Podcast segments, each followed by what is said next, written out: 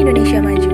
Halo, selamat malam Sobat Ngulik di rumah. Kembali lagi di Ngopi Podcast, ngobrol penuh inspirasi. Nah, gimana nih kabar malam minggu Sobat Ngulik di rumah? Mungkin lagi ada yang masih di rumah aja atau sedang menjalankan aktivitas di luar. Ya, intinya harus tetap patuhi dan juga jaga protokol kesehatan bagi yang sedang berkegiatan di luar rumah. Oke, pada podcast kali ini, Sobat Ngulik bakal ditemenin sama aku, Rani, dan juga rekan aku, Hansala Tinawi. Dan di podcast kali ini, kita bakal ngebahas nih mengenai uh, peran komunitas penggerak milenial bagi Indonesia Maju. Bersama dengan Kak Iqbal dan juga Kak Diajeng, perwakilan dari Indonesian Millennial Connect. Dan sebelum kita mulai, yuk kita kenalan dulu sama kakak-kakaknya nih. Halo Kak, apa kabar? Halo. Halo Rani. Halo Kak Iqbal dan Kak Ajeng. Nah, Kak Iqbal ini adalah uh, founder dari Indonesian Millennial Connect. Dan juga kalau misalkan Kak Ajeng itu sebagai uh, Head of Marketing Communication dari Indonesian Millennial Connect nih. Nah, sebelumnya nih teman-teman, Indonesian Millennial Connect itu adalah organisasi nirlaba pengembangan diri bagi pemuda-pemudi di Indonesia yang berkolaborasi dengan komunitas dan organisasi lain yang juga berfokus pada tiga bidang, yaitu ada pendidikan, ada sosial, dan juga ekonomi. Nah, sebelum kita ngomongin lebih lanjut mengenai tema podcast kali ini, uh, aku pengen tahu dulu nih Kak, uh, mungkin kita bisa kenalan lebih jauh mengenai uh, Kakak sendiri, kayak mungkin uh, educational background Kakak, aktivitas yang Kakak saat ini sedang lakukan, dan juga mungkin sedikit personal life tentang Kakak. Silahkan Kak Aja. Dari mana dulu nih? Mungkin bisa dari Kak Iqbal dulu nih Kak. Oh, Oke. Okay uh, makasih uh, buat Sela, Rani, dan teman-teman uh, dari Sobat Ngulik. Uh, kalau dari uh, perkenalkan, nama saya Iqbal, uh, Iqbal Zainal Mutakin panjangnya, itu untuk tinggal di uh, Pondok Ranji, Tangerang Selatan. Uh, terus uh, untuk uh, pendidikan uh, semester akhir di Universitas Islam Negeri di Jakarta itu Win Jakarta uh, dan uh, untuk sekarang ini sibuk di M Connect ini aja sih Indonesia. Gitu.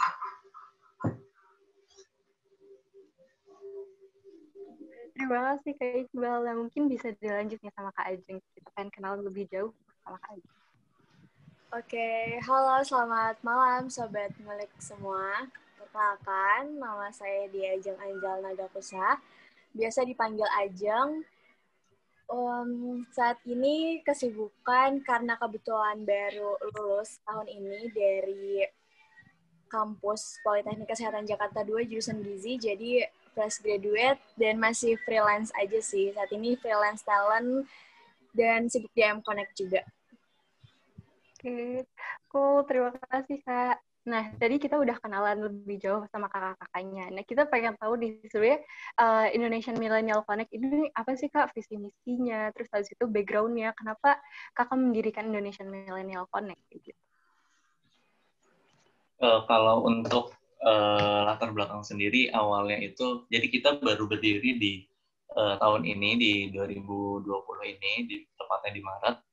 Uh, kita ngelihat anak-anak muda di Indonesia ini uh, masih kekurangan wadah gitu kan. Masih banyak yang uh, berperilaku negatif kayak misalkan uh, menyalahgunakan narkoba terus juga um, menggunakan miras segala macam. Terus masih banyak ada yang pengangguran masih banyak yang putus sekolah. Nah itu uh, beberapa latar belakang uh, Indonesia Connect ini hadir gitu kan. Kita hadir mau menjadi bagian dari kemajuan Indonesia gitu karena anak-anak uh, muda ini butuh uh, masih butuh wadah gitu. Walaupun sekarang banyak uh, komunitas dan organisasi gitu.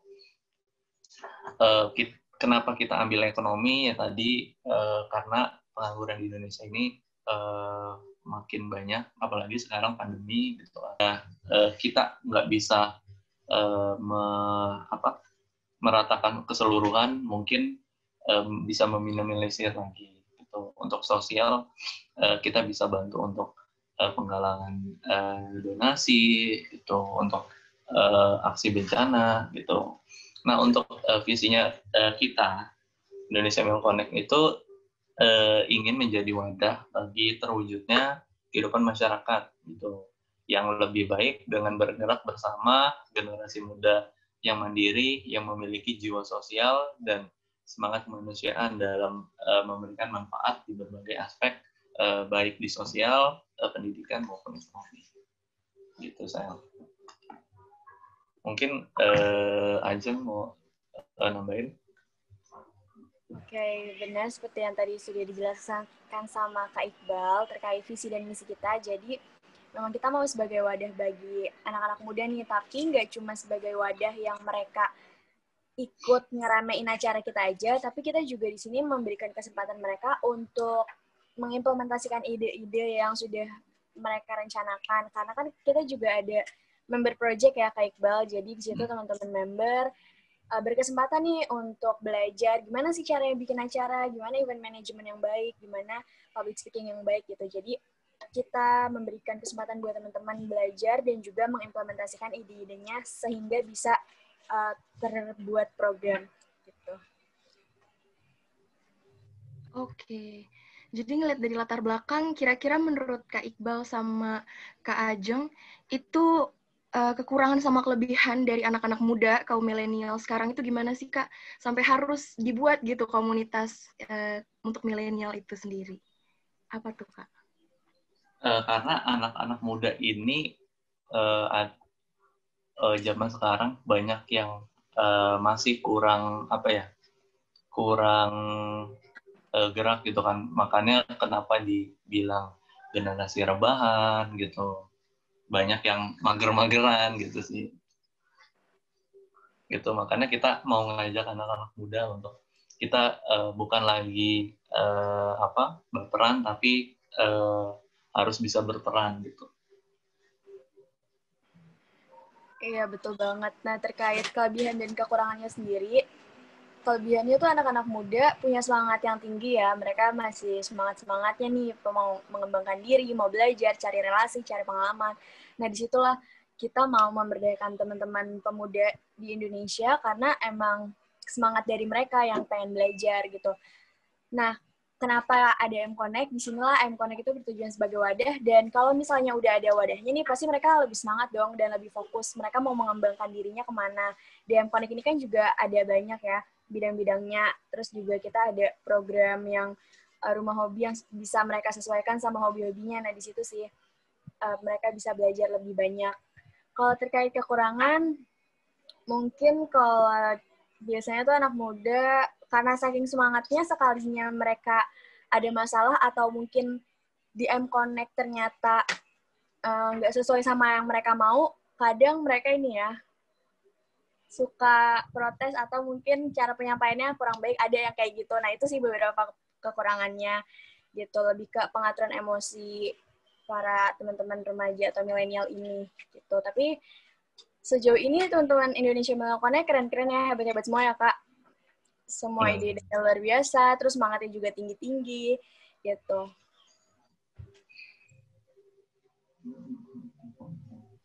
Wah, keren-keren banget nih, Kak. Nah, boleh tahu lebih jauh nggak, Kak? Sebenarnya program-program yang dilaksanain di Indonesian Millennial uh, Connect itu apa aja sih, Kak, untuk para pemuda-pemudinya? Uh, sebenarnya banyak sih. Kalau untuk uh, kegiatan yang udah uh, terlaksana, karena kita uh, baru berdiri di Maret langsung pandemi akhirnya kita uh, selama, selama ini uh, banyak yang online gitu. Uh, contoh yang pertama kita uh, pernah ngadain namanya uh, sharing uh, live Instagram itu ada beberapa dari public figure gitu kan kayak Tantri Namira, terus juga Ismail Bahtiar DPRD Sulawesi Selatan tuh terus juga uh, ada Ifram Afro, terus uh, Pak Chandra Putra Negara kalau kalian tahu uh, itu uh, pengusaha kan. Terus uh, di bulan puasa kita ada namanya ngabuburit dari rumah. Itu juga uh, sharing itu lewat Zoom. Nah, yang di bulan Juni kita adain namanya Festival Indonesia Bangkit. itu uh, untuk membangkitkan uh, menstimulus uh, para pemuda gitu kan masyarakat pada umumnya untuk uh, tetap semangat walaupun pandemi gitu. Nah kita uh, ngundang dari berbagai sektor dari uh, ekonomi ada Pak Melvin, terus juga di uh, influencer ada Mbak Nana, terus juga ada Dokter Tirta, ada sampai uh, siapa tuh Kak Seto, terus juga uh, uh, itu uh, banyak tuh di situ. Nah next kita mau bikin ada nah uh, forum wirausaha nasional kebetulan di PB nih nanti uh, di bulan Maret atau April gitu siapa tahu nanti anak-anak uh, IPB bisa jadi uh, panitianya di situ terus juga uh, ada namanya uh, milenial mengabdi itu kita mengabdi uh, di daerah Sumba gitu. Nanti juga ada lagi yang uh, seru-seruan ada milenial gitu macam-macam sih banyak. Itu kegiatan kita. Jadi nggak hanya uh, sebatas uh, apa sih uh, bantuan uh, kayak uh, entah itu bentuknya kita bantuan secara langsung tapi kita uh, bantuannya itu kayak kayak Millennial Fest kan lebih ke bantuannya tuh kita menstimulus uh, anak-anak muda untuk tetap semangat walaupun pandemi gitu gitu sih apa yang jadi peran anak muda ini uh, hadir di situ gitu dengan cara kita gitu Wah, sih. Keren banget sih kak. Uh, kegiatan-kegiatannya walaupun harus dilaksanakan secara online, tapi tetap banyak banget kegiatannya dan uh, benar-benar bermanfaat buat uh, milenial kayak gitu ya kak. Dan jadi walaupun uh, walaupun gini sel, walaupun uh, pandemi bukan jadi suatu penghalang buat kita gitu. Jadi kreativitas anak-anak uh, muda ini uh, bakal dituntut gitu. Hmm. Itu sih. Wah keren banget. Nah, ngomongin mengenai kegiatan-kegiatan tadi juga nih, Kak. Nah, kalau misalkan menurut Kakak, uh, kira-kira apa sih yang sebenarnya harus kita persiapkan anak-anak muda jika pengen menjadi milenial yang berkontribusi terhadap uh, Indonesia Emas 2045? Kegiatan apa aja kira-kira, Kak? Indonesia Emas 2045 ya. Pemuda tuh harus mempersiapkan dirinya sejak sekarang sih walaupun 2045 itu masih 25 tahun ke depan tapi kan di sini kita akan berperan ya nantinya yang harus kita persiapkan dari sekarang itu pertama kita harus banyak belajar karena kan ini masa-masa muda masa-masa yang harus uh, kita isi dengan pengalaman-pengalaman. Banyak juga orang-orang yang bilang habiskan jatah gagalmu di masa muda. Nah itulah kita harus action dari sekarang. Kita harus cari pengalaman. Gak apa-apa gagal sekarang. Yang penting itu bisa kita jadiin pembelajaran untuk ke depannya. Terus juga anak-anak muda itu pastinya harus belajar lebih kreatif ya. Jadi kreatif itu bisa dari banyak aspek. Jadi nggak cuma yang satu bidang aja tapi banyak bidang. Kalau misalnya kalian ada passion di A B C coba tekunin passion itu. Nah itu pasti bisa kalian kembangkan dan juga bisa sobat-sobat ngulik sekalian tuh pasti bisa lebih kreatif. Itu sih. Nah, berarti kan uh, Indonesian Millennial Connect ini sebagai wadah bagi anak muda itu sendiri kan, Kak? Nah, seperti yang kita tahu, Indonesia Millennial Connect juga kan tadi uh, yang kakak mention sebelumnya bahwa baru aja didiriin awal tahun 2020, di mana uh, awal-awal tuh masih ada kondisi pandemi, bersinggungan dengan kondisi pandemi. Nah, apakah ada shifting aktivitas organisasi di tempat kakak gitu?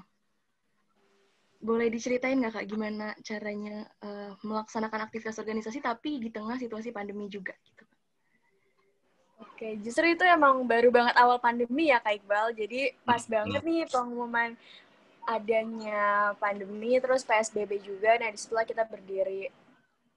Kalau terkait penjalanan aktivitasnya, karena memang kita belum memungkinkan untuk ketemu offline, dan saat itu juga masih PSBB, jadi kita maksimalkan secara virtual dan online sih. Jadi walaupun online, komunikasinya tetap berjalan dengan lancar dan intinya sih itu koordinasi yang rutin dan saling sharing antar satu sama lain, antar tim, antar divisi.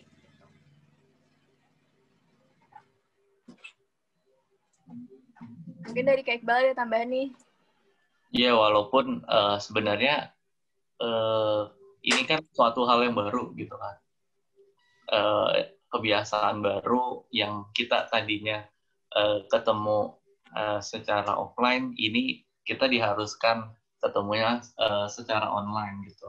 Lewat Zoom lewat Google Meet gitu. Itu jadi suatu tantangan sih gitu. Nah kita menyikapinya ya eh, sekarang kan udah zamannya eh, teknologi ya.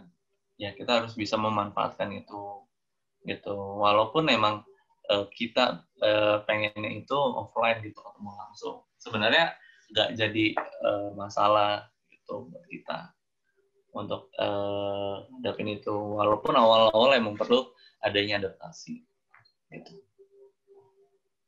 Wah, keren banget. Tadi kita udah ngomongnya mengenai tantangan uh, yang dihadapin oleh Indonesian Millennial Connect untuk harus tetap bisa bertahan walaupun meski uh, lagi ada kegiatan eh, ada pandemi kayak gitu. Nah, kalau misalkan menurut kakak sendiri, kira-kira tantangan apa sih yang ada bagi anak-anak milenial nih untuk mencapai karir, baik itu di profesional, bisnis, politik, ataupun dalam mencapai life goals ya, apalagi kayak ada perubahan yang signifikan ini di tahun 2020.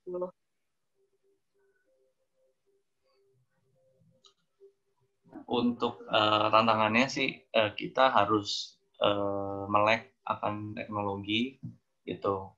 Sekarang banyak uh, apa startup startup itu di bidang teknologi gitu. Sekarang udah nggak ada lagi uh, ya misalkan contoh uh, jasa travel gitu kan. Itu hampir tergerus uh, sama uh, adanya aplikasi gitu. Itu uh, salah satu tantangan uh, buat kita sih harus bisa uh, melek teknologi harus bisa uh, mampu menyesuaikan gitu. Jangan sampai kita uh, masih tetap bertahan di situ. Kayak kasusnya itu uh, boleh sebut merek nggak nih? Gimana Diran? uh, itu kan uh, kayak waktu itu uh, di uh, perusahaan N uh, ponsel ya kan. Itu kan ini boleh sebut merek nggak apa inisialnya? Pakai inisial aja kak biar aman. Inisial, okay. uh, perusahaan ponsel N itu kan uh, lagi naik daun kan. Mm-hmm. Uh, di awal di akhir 90-an dan di awal 2000-an gitu. Nah, dia eh, di situ tetap eh, di zona nyaman, tetap ya dia yakin eh, dia masih eh, bisa bertahan di situ. Dan akhirnya kan eh, selang beberapa lama eh, tergerus sih gitu kan. Eh, sama adanya I terus S gitu. Si I sama si S ini mulai naik gitu. Gitu sih. Nah anak-anak muda ini harus bisa uh, menyesuaikan zaman terus juga bisa uh, mengeksplor dirinya gitu. Harus bisa uh, banyak inovasi gitu. Jadi uh, jangan sampai uh, kita uh, stay di situ aja gitu. Jangan berpuas sendiri gitu sih. Wah, keren banget ya. nih Kak Iqbal. Nah, mungkin dari Kak Ajeng ada tambahan gak nih Kak? Untuk tantangannya, kalau misalkan menurut Kak Ajeng, kira-kira apa sih tantangan yang dihadapin sama kita sebagai kaum milenial kayak gitu? Untuk tantangannya sendiri, kita tuh harus ini ya, pintar mencari peluang dan melihat peluang. Jadi, benar kayak yang tadi dibilang sama Kak Iqbal, jangan terlalu ny jangan terlalu nyaman di zona nyaman. Jadi, ya kita harus cari nih apa yang kira-kira ide baru yang bisa kita kembangkan, kira-kira apa sih sebuah inovasi yang bisa kita kembangkan, terus juga terkait pembelajaran, kita tuh harus terima pembelajaran dari siapa pun dan kita tuh bisa belajar di mana pun sama siapa pun. Jadi jangan ini ya, jangan merasa bahwa diri kita tuh udah bisa ini sih yang uh, biasa terjadi sama anak-anak muda karena mereka ngerasa udah bisa. Padahal mungkin baru berhasilnya itu beberapa kali aja tapi merasa bisa sampai akhirnya dia itu eh, nggak uh, mau mendengarkan orang lain dan itu sih yang paling sering jadi gitu. Jadi untuk teman-teman milenial tuh harus ini ya harus menerapkan banget tuh ilmu padi semakin berisi semakin merunduk. Nah itu sih mungkin tantangannya. Kita harus rendah diri terus juga harus terbuka untuk belajar sama siapa pun gitu. oke ternyata anak muda harus siap dengan tantangan-tantangan itu semua ya kak yang cukup banyak dan cukup uh, harus bisa diantisipasi tentunya bagi kaum millennials. Nah, sebenarnya mimpi besar Kak Ajeng dan juga Kak Iqbal terkait IMC ini apakah Indonesia Millennial Connect ini? Dan gimana sih Kak Kiat untuk mengupayakan mimpi tersebut itu gimana Kak? Boleh dari Kak Iqbal dulu. Kalau buat dari uh, saya, mimpi terbesar kita, uh, kita tuh mau bikin ya semacam uh, contoh lembaga-lembaga non-profit yang sekarang udah besar.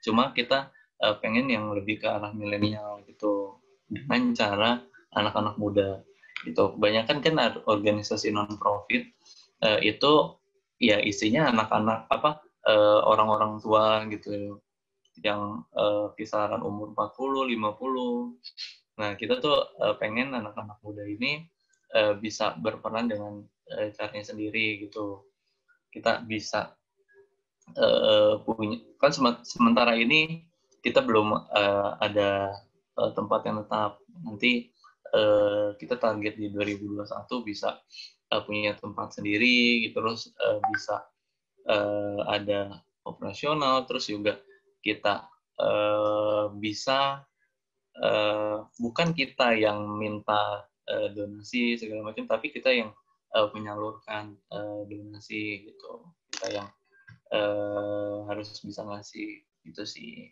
kita pengennya. Oke, selain itu juga kita mau setiap member pengurus pemuda yang bergabung di Indonesia Millennial Connect ini bisa menerapkan apa yang sudah kita sharing selama ini ya. Bisa kita bisa melahirkan pemimpin pemimpin baru. Jadi nggak cuma pengurus I'm Connect aja, tapi bisa ke seluruh membernya juga, bisa jadi pemuda-pemuda yang mandiri, itu. Terus juga I'm Connect ini kan ada regional ya, nah kita ingin lebih melebarkan sayap sih, jadi ke pengennya nanti benar-benar di setiap regional Indonesia itu ada I'm Connect. Jadi mereka bisa memaksimalkan program-program di daerahnya masing-masing. Seperti itu. Wah, keren banget, Kak. Uh, apalagi Indonesia Millennial Connect ini baru dibangun, tapi udah langsung besar banget dan udah benar-benar menjaring uh, banyak pemuda-pemudi untuk bisa uh, menyalurkan aspirasinya di IM Connect ini. Nah, mungkin terakhir nih, Kak, da pertanyaan dari kita. Kira-kira pesan kakak mewakili IMC buat para milenial yang tengah berkarir atau baru lulus ataupun mungkin mahasiswa seperti kita, kira-kira uh, ke depannya apa nih kak? yang harus uh, yang menonton podcast ini gitu? Uh, kalau uh, nih uh, terakhir uh, dari saya buat teman-teman uh, sobat ngulik uh, milenial ini atau anak muda ini kita harus bisa mengambil peran gitu. Bukan lagi uh, harus nunggu dari pemerintah bukan lagi harus uh, tunggu dari uh, orang tua orang-orang uh, yang di atas kita gitu kan senior senior kita. Tapi kita harus bisa mengambil peran uh, dan harus bisa berdampak untuk Indonesia gitu. Jadi jangan uh, mikir uh, apa yang Indonesia kasih udah uh, apa yang udah Indonesia kasih buat kita tapi harus uh, kita mikir uh, apa yang bisa kita kasih untuk Indonesia gitu. Itu sih. Karena uh, kalau bukan sekarang apalagi kalau bukan kita siapa lagi? Wow, tuh sobat ngulik jangan mikirnya mengenai apa Indonesia udah kasih buat kita, tapi apa yang kita bisa kasih ke Indonesia kayak gitu. Nah, mungkin dari Kak Ajeng nih, kira-kira pesan kakak apa nih untuk sobat ngulik lainnya? Oke, okay, sobat ngulik dan semua pemuda di Indonesia, untuk berdampak itu kita nggak perlu punya jutaan followers di sosial media. Untuk kita menciptakan dampak yang besar, kita bisa mulai dari hal-hal kecil. Jadi, cobalah buat hal-hal positif dulu nih di sekitar kita yang nantinya itu pasti juga akan berdampak besar. Itu yang pertama. Dan sekarang itu udah nggak zaman ya kalau misalnya kita cuma kerja sendiri aja. Sekarang tuh udah zamannya kolaborasi, jadi perluas jaringan kalian, jangan cuma mikirin diri sendiri aja, tapi coba bersinergi dengan pemuda-pemuda lainnya untuk mewujudkan Indonesia yang lebih baik. Itu dan kalau tadi dari Kak Iqbal bilang jangan baperan tapi harus berperan. Kalau dari aku sih pemuda itu jangan banyak gaya tapi harus berbanyak karya. Gitu. Wow, keren banget. Perbanyak karya ya, guys. Jangan perbanyak gaya, Sobat Ngulik. Wah, jadi banyak banget nih ternyata Sobat Ngulik yang bisa kita ambil dari podcast kali ini bahwa sebagai pemuda yang masih punya semangat tinggi-tingginya, rasa keingintahuan tinggi-tingginya, kita harus pergunakan itu sebaik-baiknya. Tadi yang disebutkan oleh Kak Ajeng dan juga Kak Iqbal, kita harus tetap semangat, tetap membuat karya, jangan baperan gitu kan, tapi harus berperan. Nah mungkin Rani punya quote sendiri nih untuk Sobat Ngulik di rumah, bahwa berpikirlah segenap seluruh pikiran, kemudian yakinlah dengan sepenuh hati, dan usahalah wujudkanlah dengan seluruh usaha gitu, seluruh kerja keras. Oke, mungkin nggak kerasa ternyata udah cukup lama nih pembahasan podcast kali ini. Kayaknya uh, udah saatnya undur diri. Sebelumnya terima kasih buat Kak Iqbal dan juga Kak Ajeng yang sudah menyempatkan waktunya dan juga sharing ke Sobat Ngulik di rumah. Semoga Sobat Ngulik juga bisa mengambil inspirasi dan juga uh, manfaat dari pembahasan pada podcast kali ini. Kalau begitu, Rani dan juga rekan Rani.